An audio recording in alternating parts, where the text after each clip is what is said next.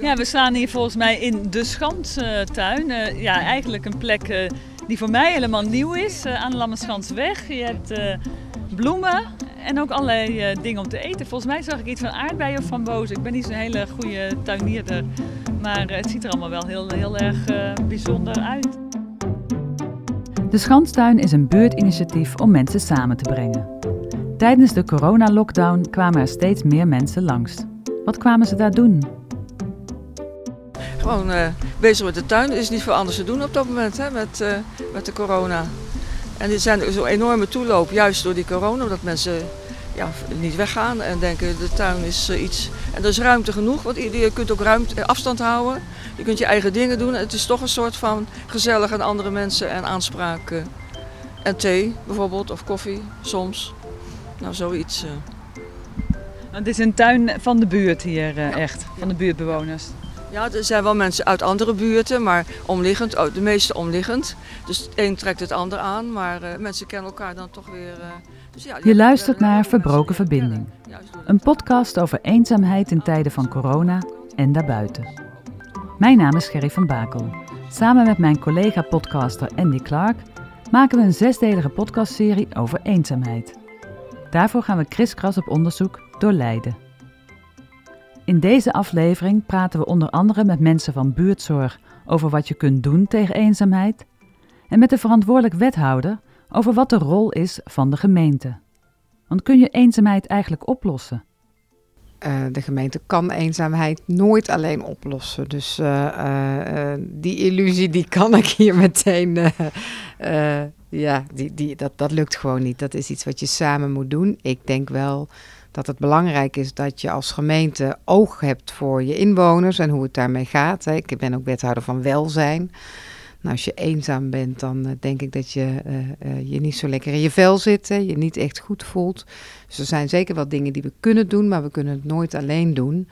En het is vooral ook iets tussen mensen onderling en zelf. Maar je kunt wel de voorwaarden scheppen in je stad, zodat uh, mensen uh, het zo min mogelijk zijn. En als ze contacten willen en als ze een zinvol bestaan willen, hè, als ze dingen willen doen, dat ze dan die mogelijkheden daartoe hebben. Dus daar hebben we zeker een rol. Uiteindelijk moeten mensen en hun omgeving zelf ook heel veel doen. Ja. Ja, ik ben Marleen Dame, ik ben wethouder in Leiden en ik ben wethouder gezondheid, jeugdhulp en welzijn. Bijna iedereen voelt zich wel eens eenzaam of kent iemand die ermee te maken heeft. Tijdens ons gesprek met wethouder Marleen Dame en beleidsmedewerker Miu Meer vroegen we hen of ze iemand kennen die echt eenzaam is. Nou, ik heb wel een persoonlijk verhaal. Mijn zus, die is gehandicapt, die woont bij mijn moeder. Die is echt eenzaam, ja. Goh, wat verdrietig van. Ik heb het zelf bij mijn oma wel gemerkt uh, toen mijn opa al een tijdje was overleden. Dat, uh, dat ik wel merkte dat ze steeds meer in haar eigen schulpje terugkroop en niet meer kon genieten van het leven. En dat heb ik wel echt ervaren als eenzaamheid, ja. En dat maakt ook niet uit of wij langskwamen of uh, nee. Nee, ja, dat is het, hè? Want je bent er wel, maar... Je doet dan enorm je best om je Ja, te ja, ze woont bij mijn moeder en die is lief, maar ze is ook autistisch, dus niet uh, in staat tot het aangaan van vriendschappen of zo. Dus dat, ze kan dat gewoon niet. Nee. De ervaring met haar eigen zus onderstreept dat de gemeente niet alles kan oplossen, zegt de wethouder. Je kan, ja, mensen hun beperking die ze soms sociaal hebben, kan je niet oplossen. Die is er. En dan, oh ja, weet je, uh, ik ben er voor haar, mijn moeder is er. Uh, ze heeft super fijne dagbesteding en echt allemaal lieve mensen om zich heen die heel graag voor haar willen zorgen. Maar dat stuk neem je nooit weg. Nee. En die wordt 50 volgend jaar. Mooi hè? ja. ja. Gaan we toch een feestje geven. En dan denk ik altijd, doen we dat nou voor haar of voor, uh, voor mijn moeder en mij? Dat wij er een goed gevoel bij hebben. Maar we doen het wel. Dus ja. En of ze er dan van geniet, weet ik niet. Uh, denk het wel, hoop het, ja. Maar dat is altijd wel het besef dat ik heb, ja, er zijn dingen die je niet kan oplossen. Die horen bij het leven, hoe pijnlijk ook. Dat geldt natuurlijk voor een deel van de eenzaamheid ook. Zeker voor de groep mensen met een beperking, ja. Terug in de Schanstuin. We ontmoeten daar Hanneke en Trudy van Buurtzorg, die dagelijks het effect zien van eenzaamheid. Hanneke zegt dat er meer geluisterd moet worden naar de bewoners zelf. Wie weet het beter dan de mensen zelf? We komen natuurlijk uit een periode waarin we geleerd hebben: uh, ja, je moet een mooi aanbod hebben en dan komen mensen erop af. Maar wij denken dat je behoeftegericht moet werken. Dus vragen wat er nodig is. En we hebben vanuit buurtzorg ons eerlijk gezegd laten inspireren door uh, het eiland Cuba. Daar hebben ze een gezondheidsniveau wat uh, vrijwel gelijk is aan het onze. En ze hebben een budget wat een fractie is van het onze. En dat is, uh, is heel intrigerend natuurlijk. Hoe doen ze dat? Nou, dat doen ze omdat ze helemaal insteken op preventie. Daar gaat vooral de energie in zitten. Met die insteek gingen Hanneke en Trudy hun eigen wijk in. En Hanneke was enigszins verrast door de gesprekken die ze had met buurtbewoners. Maar wat zeiden de mensen? We hebben behoefte aan sociaal contact. Wij missen het dat we niet iedereen in onze buurt echt kennen. En als ik mijn buren leer kennen, dan ga ik me ook veiliger voelen. En dat is voor mij belangrijk voor je gezondheid. Nou, aan één kant misschien een eye-opener. Maar aan de andere kant denk ik, als ik bij gewoon als mens bij mezelf naar binnen kijk, eigenlijk een open deur. Waarom hebben we dat nooit onderkend met elkaar? En dat raakt wel aan, uh, eenzaamheid, sociale isolatie. Wik de Jong, we hoorden haar al even aan het begin van deze podcast, is een van de buurtbewoners die de Schanstuin draaiende houdt. Zij benadrukt de noodzaak van menselijk contact. En als ik straks met een rollator ga lopen, dan wil ik ook gewoon uh, hierbij kunnen en een bankje vinden en een stukje en misschien wat meehelpen, maar misschien gewoon zitten en kijken naar anderen die buiten bezig zijn. En een plek vinden waar je mensen tegen kunt komen, want dat vind ik ook belangrijk. Goed luisteren naar de mensen. Dat is ontzettend belangrijk, zegt Wik. En de gemeente moet vooral ruimte bieden, zodat bewoners zelf dingen kunnen regelen in hun wijk, voegt ze eraan toe. De coronacrisis heeft eenzaamheid in de schijnwerper gezet. Maar voor Hanneke van Buurtzorg voelt het niet altijd goed. Ze vertelt over een oude dame die ze kent.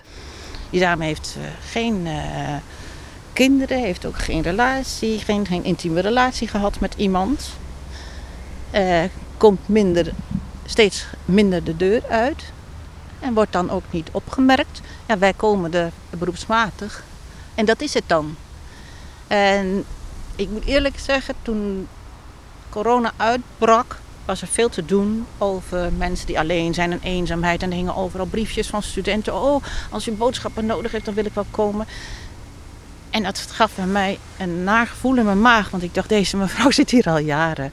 Er is geen corona voor nodig. Dus ik ben ervan overtuigd dat er heel veel mensen al jaren last hebben van die eenzaamheidsepidemie.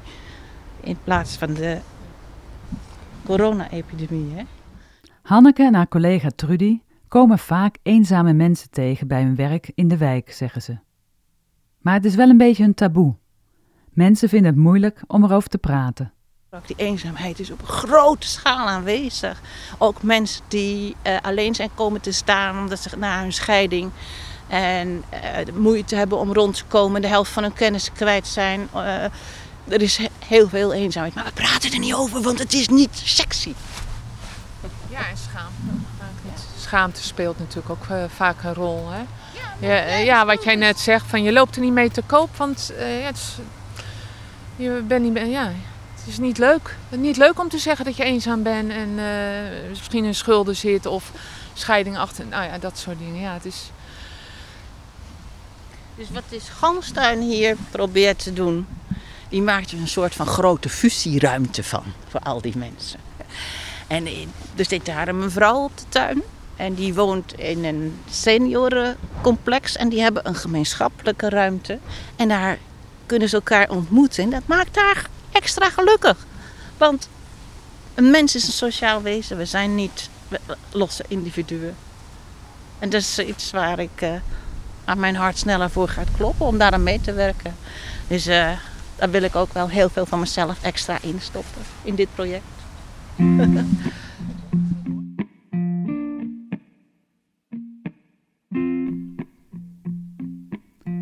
Ook voor de coronacrisis was er aandacht voor eenzaamheid in Leiden. Hoe groot is het probleem hier eigenlijk? We vroegen het aan beleidsmedewerker Miu Meer. Ja, in Leiden-Noord eh, springt er wel echt uit en eh, Bos- en Gasthuisdistrict. Volgens mij, ja, in mijn hoofd is dat 15% en 14% ernstig eenzaam. Dus dan zie je wel echt al dat dat dan weer verder boven dat, of, ja, hoger ligt dan het gemiddelde. ja, 11% van de 19 tot 64-jarigen is ernstig eenzaam in Leiden en landelijk is dat 10%. In deze wijken is meer armoede en er wonen meer oudere mensen. Dat zou een reden kunnen zijn voor de hoge cijfers.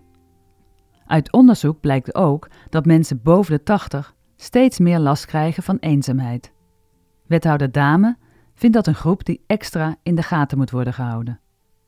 Vanaf 80 is blijkbaar een leeftijdsgrens waarop je ziet dat mensen zich steeds meer ernstig eenzaam gaan voelen. En dat, nou ja, als je erover nadenkt, is dat ook wel uh, logisch. Hè? Ik denk altijd als ik naar mijn eigen moeder kijk, die is nu bijna 80. En uh, die zegt ook, nou, de meeste familie zie ik tijdens uh, begrafenissen of uitvaarten. Dus er ontvallen je ook steeds meer mensen. En je bent zelf steeds minder mobiel en actief vaak. Dus, dus het is heel verklaarbaar, maar dat betekent wel dat dat ook de groep is waar we echt wel extra aandacht voor moeten gaan hebben. Ja, want hè, dan zitten we, dat is wel vaak een beetje het idee van uh, eenzaamheid is iets wat bij oudere mensen hoort. Maar ja, dat is niet het hele verhaal. Maar die groep van 80 plus is natuurlijk wel dan wel een groep die je extra zou willen bereiken. Jazeker, dat is echt een groep die er wat mij betreft tussenuit springt.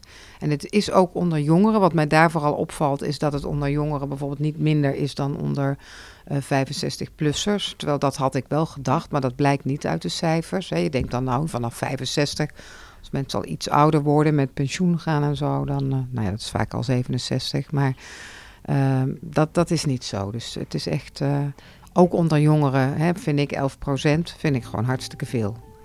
Het probleem van eenzaamheid heeft dus wel de aandacht. En de komende jaren is het een speerpunt van de welzijnsorganisaties in de stad. Het is een van de opdrachten aan de drie partners die de aanbesteding in het sociaal domein hebben gewonnen. En, zoals de gemeente het noemt, een sterke sociale basis moeten creëren in de stad. Ja, ja. ja we, we, hebben eigenlijk drie manieren om met mensen in contact te komen. Eén daarvan is dus in samenwerking met de gemeente uh, werk en inkomen adressen. En op puur op basis van die adressen langs te gaan. Om kennis te maken met mensen. Um, twee is dat we in, in de wijken uh, de straat op gaan, misschien in de supermarkt zijn, mensen aanspreken, laten zien dat we er zijn en waarvoor we er zijn. Het kan ook zijn dat we ergens gaan zitten met een tafel en een kop thee en een kop koffie van nou, kom maar eens kletsen. Um, en daarnaast uh, hebben we ook dat we op een gegeven moment gewoon in wijken, in straten aanbellen om, te, om mensen te ontmoeten. Van joh, we zijn hier in de wijk, wist u dat? Heeft u behoefte, dan kunt u bij ons langskomen. En wat we ook wel regelmatig doen, uh, we hebben in principe plekken die goed zichtbaar zijn. Dat is wel het doel. Dus ook als je langsloopt, dan is regelmatig zie, zie, je mensen om het hoekje kijken van... hé, hey, wat gebeurt hier eigenlijk allemaal? Nou ja, en dan, dan kan je je voorstellen dat een Claudia heel enthousiast zegt... nou, kom maar verder. Ja, dan kan je natuurlijk ja. niet weigeren. Uh, en dan komen de mensen ook wel voorzichtig naar binnen. En, en soms lopen ze tien keer langs voordat ze dat durven. En soms is het nog twintig keer voor de deur praten. En dan toch een keertje mee naar binnen en dan uh, ja, voelen ze zich op hun gemak. Je hoort Kirsten Zitman, directeur van BUS. Een van de drie nieuwe organisaties die de meest kwetsbare mensen in de stad moeten gaan helpen om mee te doen in de samenleving. Haar collega Claudia Bindraban weet ook dat het niet altijd gemakkelijk is om in contact te komen met mensen die eenzaam zijn. Hoe pakt zij het aan? Nou ja, sowieso middels huisbezoeken door heel veel met mensen te praten. Mensen die veilige situatie bieden. Hè? Want je moet je voorstellen, ja, mensen hebben natuurlijk van alles meegemaakt hè, in het leven. Oorlogsslachtoffers, mensen die met oorlogstrauma's uh, rondlopen.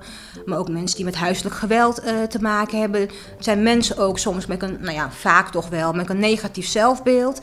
Je denken, ik kan niks, ik durf niks. Hè? Maar je moet gewoon die veilige sfeer creëren. Dat ze jou gaan vertrouwen. En dat ze hun verhaal aan jou durven te vertellen. En daarbij moet je natuurlijk hun hele nou ja, uh, leefwereld in ogenschouw nemen. En als ze zeg maar, het vertrouwen in jou hebben, vertellen ze veel. En dan kan je hen ook meenemen. Dan durven ze ook zo'n stap te zetten.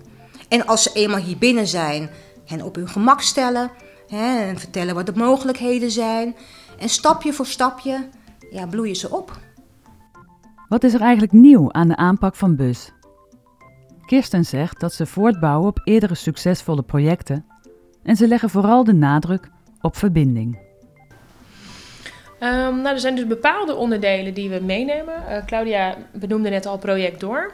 Project Door is een project dat een aantal jaar geleden is gestart uh, vanuit Libertas Leiden en vanuit IDO. En uh, daar hebben we eigenlijk alle succesfactoren uitgehaald, want daar hebben we heel veel van geleerd. Dus met het doen van huisbezoeken, wat hebben mensen nodig als je ze dan eenmaal ophaalt? Nou, een veilige plek, zoals een buurtontmoetingsplek, om vanuit daaruit te kunnen kijken wat wil ik nog meer en wat kan er nog meer. Dus dat zijn ingrediënten die we hebben meegenomen en waarvan we hebben gezegd: oké, dit gaan we gebruiken bij bus. Maar vervolgens is bus nog meer het totaalconcept uh, en bouwen we het uit met bijvoorbeeld uh, bewegingsmogelijkheden, heel laagdrempelig, uh, taal, um, vragen rondom schulden, armoede, um, hoe kan ik daarmee omgaan, hoe leer ik dat aan mijn kinderen.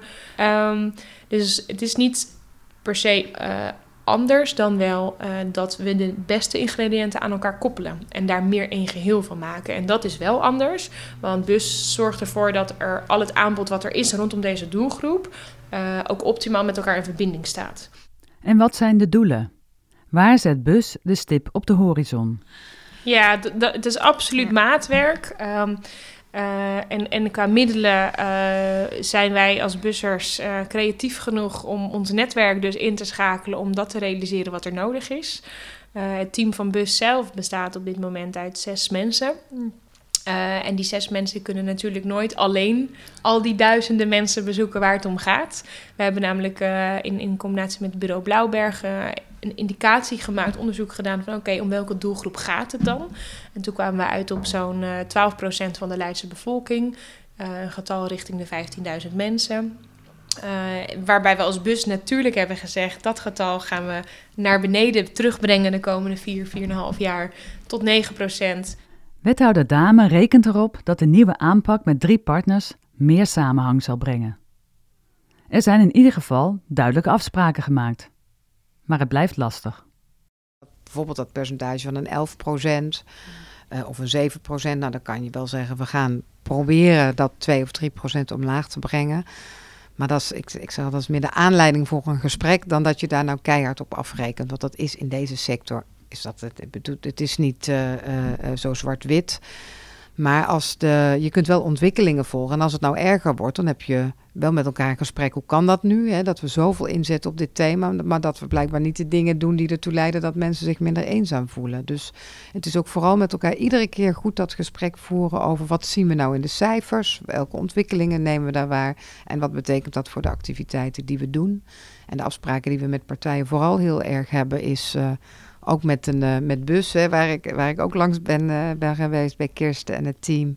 Is ga die wijk in, ga mensen opzoeken, ga achter de voordeur kijken. Hè, ga echt actief erop af om signalen op te halen. En dan kan het best zijn dat je bijvoorbeeld in bos- en gasthuizen hele andere dingen moet doen dan in een slaagwijk of uh, in een professorenwijk. Hè. Dus je moet ook heel erg kijken naar wie wonen hier, uh, wat vragen die mensen van ons en wat betekent dat voor de activiteiten die we doen.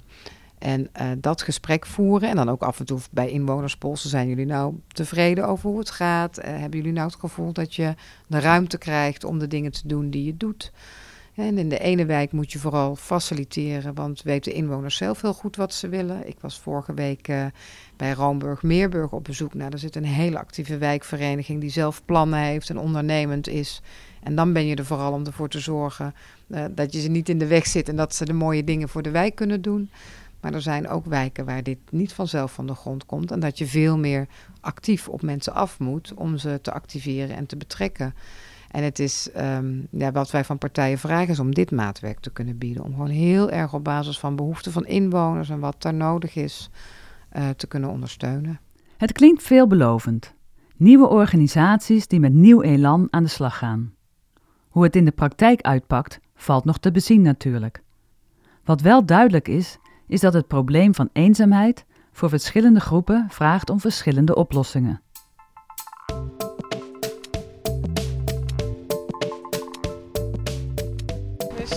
Wie bent u? Oh, oh jee. Ik ben uh, Cora. Ik uh, ben een van de tuinierders hier. Ja. Wat heeft u daar? Ik heb hier pultjes. We hebben pultjes geplukt. En uh, nou, dit is ongeveer de vijfde keer, denk ik. Dus, uh, Terug in de Schanstuin spreken wij Cora. ja. En zij mist vooral de regie vanuit de gemeente. Ehm, ik denk dat er heel veel verborgen eenzaamheid is.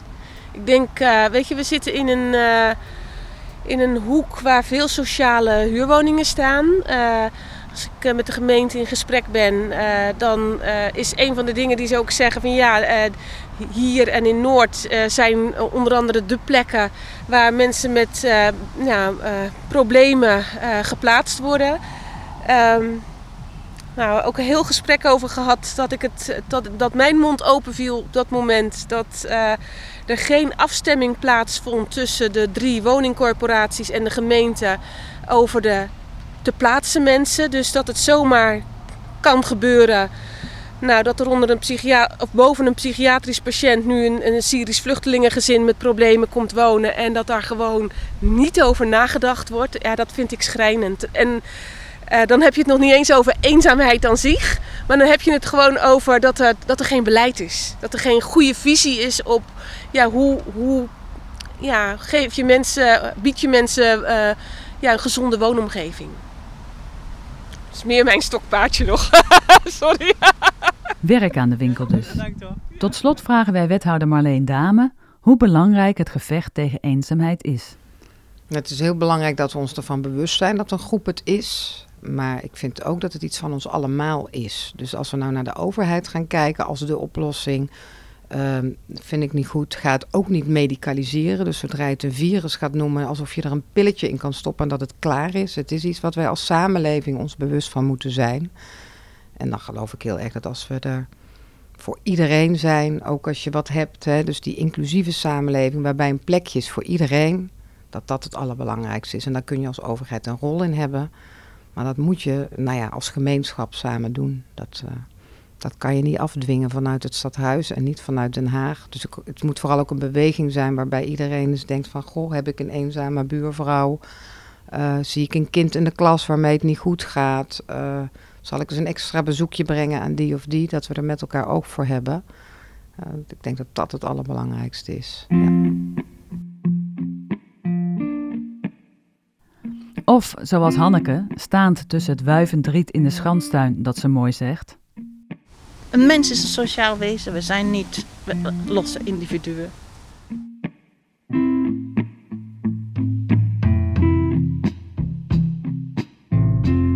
Je luistert naar Verbroken Verbinding, een podcastserie over eenzaamheid in tijden van corona en daarbuiten. Deze zesdelige podcastserie is mede mogelijk gemaakt door het Leids Mediafonds. Ik ben Gerry van Bakel en maak deze podcast samen met producer Andy Clark. We willen graag zoveel mogelijk mensen naar deze podcast laten luisteren. Dus deel deze serie met je vrienden en familie en de rest van je netwerk. Je kunt ook een review achterlaten in Apple Podcast en het helpt andere mensen weer om deze podcastserie te ontdekken. In de omschrijving bij de podcast staan links naar organisaties die hulp bieden bij eenzaamheid. Dus als je hulp nodig hebt, neem contact met hen op. Deze podcastserie is ook te vinden via de website van Sleutelstad. Bij elke podcast schrijven we ook een artikel met extra informatie en links naar organisaties die hulp bieden in Leiden. Bedankt Miu, Marleen, Wik, Hanneke, Trudy, Kirsten en Claudia voor jullie verhalen en tijd. Sinds we de podcast hebben opgenomen, is de schanstuin aan de Lammenschansweg gesloten. Die tuin werd vier jaar geleden tijdelijk ingericht als een soort buurtontmoetingsplek in afwachting van de woningbouwplannen op dat terrein. Wil jij ook een verhaal met ons delen? Dat kan dan via WhatsApp. Het nummer is 06 12 42 83 87. Ik ben Gerry van Bakel. Bedankt voor het luisteren.